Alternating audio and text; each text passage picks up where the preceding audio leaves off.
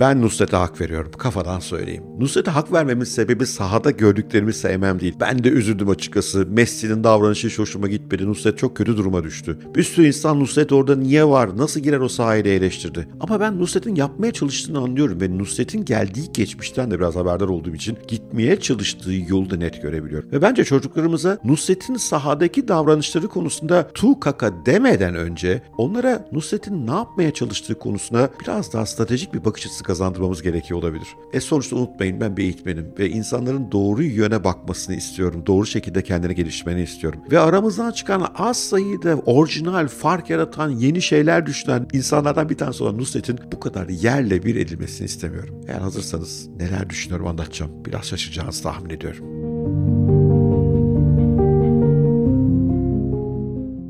Öncelikle Nusret'i ben şahsen takip etmiş bir insanım. Neden onu anlatayım. Çok yakın bir arkadaşımın bir steakhouse'u var. Türkiye'deki ilk steakhouse'tur. Nusret o zamanlar Günaydın'ın yanında çalışıyordu. Günaydın onu sık sık bizim steakhouse'a casus olarak gönderiyordu. Orada Nusret yiyordu, içiyordu ve steak nasıl yapılır öğrenmeye çalışıyordu. O zaman da acayip ısrarlı bir insandı. Kapıdan kovsanız bacadan içeri giren, öğrenmeye meraklı, hareketli, enerjik bir adamdı işin doğrusu. Sonra Nusret Günaydın'la beraber İstinye Park'taki ilk steakhouse'u açtı. Daha sonra da oradan ayrıldı. Kendine Etiler'de, Çamlık'ta küçücük bir dükkan kurdu. Orada Ferit Şahik'le tanıştı. Ferit Şahik zaten yeme içme sektörüne çok meraklı birisiydi. Ona ciddi bir yatırım yaptı. Etiler'de çok büyük bir dükkan açtılar. Ondan sonra da bugünkü Dev Nusret markasına ulaştık. Bugün Nusret'in imaj yönetimini tamamen kendisinin yaptığını tahmin etmiyorum. Elbette arkada profesyonel bir takım var. Ama Nusret'i şahsen tanıyan birisi olarak söyleyebilirim. Nusret ilk günden beri müşterilerine çok iyi hizmet veren, onları eğlendiren, farklı deneyimler yaşatan, insanlarda anı bırakan değişik bir adam açıkçası. Ve et tarafında yaptıkları da güzel. Evet dünya çapında bir steak yaptığını söyleyemem ama lezzetli şeyler yapıyor. Ve sonuçta dünyanın dört bir yanına yayılmış mağazaları olan Amerika'sında, Orta Doğu'sunda ve bir yandan da bu salt bir tiplemesiyle bütün dünyanın tanıdığı, bildiği birisine dönüşmüş durumda. Bence burada ciddi bir başarı hikayesi var. Evet, bütün bunların sonucunda ortaya çıkan Nusret imajı biraz tuhaf. Etleri tokatlıyor, wow diye bağırıyor. Tuhaf hareketler yaptığı kesin. Ama bütün bu hareketler onun aslında imajını oluşturuyor ve bu imaj işe yarıyor mu derseniz evet işe yarıyor. Bir yandan dünya çapında restoranlar olan bir grup grubun ön yüzü şu anda. Ve bir yandan da dünyadaki hemen hemen herkesi tanıyan, herkese el sıkışan Al Pacino'sundan Mark Wahlberg'ını görüyorsunuz. Herkesi tanıyan, herkese yakınlaşmış bir insan. Nusret'te bir şeytan tüyü var ve başarılı bir çocuk. Şimdi bu hikayeyi böyle bir bilelim. İkincisi Nusret fakir bir aileden geliyor. Yanılmıyorsam Erzurum doğumlu 5 kardeş var. İstanbul'a göç ediyorlar. 6. sınıfta okulu mecburen bırakıyor. Bir kasabın yanında çırak olarak çalışmaya başlıyor. Hikayesi oradaki iyi müşteri hizmeti, bıçağı iyi kullanması, eti iyi kesmesi vesaire oradan yavaş yavaş yürüyor ve biraz önce bahsettiğim arkadaşımız Steakhouse'una kadar uzanan yolculuğu başlıyor. Bu çerçevede baktığımızda Nusret sürekli yırtmaya çalışan birisi. O bizim düşündüğümüz şeyleri düşünen, utanan bir insan değil. O ilk günden beri bütün bunların üstesinden gelmesi gereken birisiydi. Onun çünkü bir fark yaratması gerekiyordu. Bazıları diyorlar ki Ferit Şahin olmasaydı, Doğuş grubu olmasaydı Nusret para kazanamazdı, büyümezdi. Elbette. Ama baktığımızda neden Ferit Şahin ona yatırım yapmayı tercih etti? Neden Doğuş grubu Nusret markasını dünya çapında bir marka haline getirmek için bu kadar riskler aldı? Aldı. Bu kadar güzel mağazaları Miami'sinden New York'a, Las Vegas'a kadar her yerde açmaya çalıştı. Arkasında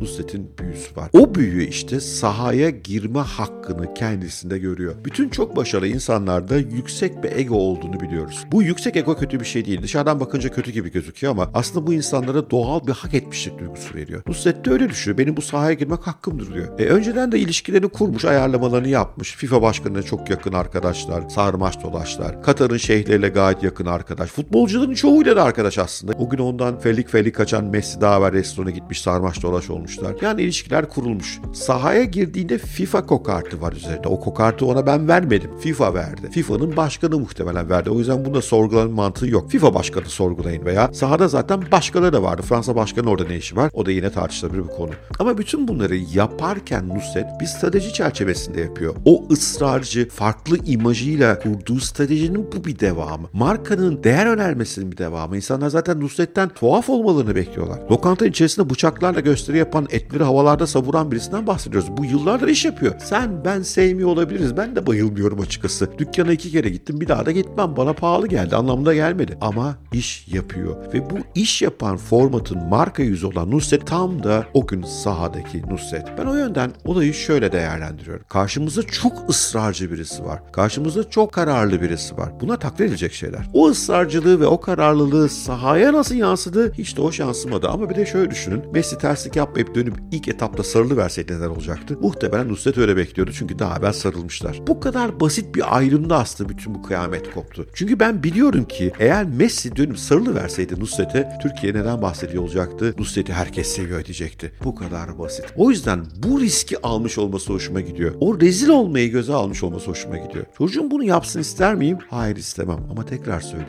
Benim çocuğum İstanbul'da yetişiyor. iyi bir eğitim alıyor. Varlıklı bir aileye doğdu. O Nusret'in gittiği yoldan gitmek zorunda değil. Ama Nusret'in gittiği yolu takdir etmemi bu engellemez. Bu nedenle sizlerden bir ricam var. Ben haddini aş diyen birisiyim. Kitabımın ismi bu geçen sene ödül aldı. Kurduğum kulübün ismi bu. Nusret tam bir haddini aşan. Haddini aşan da terbiyesizlik arasında ince bir çizgi olduğunu farkındayım. Nusret sahada sanki onu aşmış gibi gözüküyor. Ama tekrar söylüyorum. Messi dönüp sarılıp öpüverseydi başka şeyleri konuşuyor olacaktık. Nusret'in izlediği strateji izleyin demem size. Ama Nusret kadar ısrarlı ve kararlı olun. Çünkü o ısrarlık, o kararlılık dünya çapındaki işlerin temelinde yatıyor. Bugün uluslararası büyük başarıları konuşuyoruz ve kurucular, CEO'lar onların hepsi felaket insanlar. Steve Jobs çok mu tatlı bir insandı sanıyorsunuz? Elon Musk dünyanın en tatlı insanı mı sanıyorsunuz? Hiç değil. Bunlar egzantrikler, bunlar tuhaflar, bunlar arızalar. Nusret de bizim arızamız. Olaya ben böyle bakıyorum. Görüşlerinizi ve yorumlarınızı çok merak ediyorum. Ne olur çok kavga gürültü etmeyelim. Aşağıda görüş ve yorum bölümünde. LinkedIn'de zaten bir yazı paylaştım. Beni adeta parçaladılar. LinkedIn kitlesi bir de iyice muhafazakar. Niye orada beyaz yakalılar var? Hiç kimse burnundan kıl aldırtmıyor. Acayip kariyerler falan yapmışlar. Üniversiteler, eğitimler. Bu çok kalitesiz diyorlar. Bu dökülüyor diyorlar. Ülkeyi bu mu temsil ediyor diyorlar. Ama ülkenin genel açısından baktığımızda Nusret aslında insanlar için bir fırsat, insanlar için bir rüya. O yüzden olaylara biraz daha geniş bir perspektiften bakmanıza yardımcı olmak istedim. Umarım bu pazar pazar kafanızı fazla şişirmemişimdir. Söz veriyorum kripto, yatırım ve teknoloji videolarına hızla döneceğiz ama unutmayın ben bir girişimcilik aşığıyım ve iyi bir girişimci gördüğümde onu parçalanmasına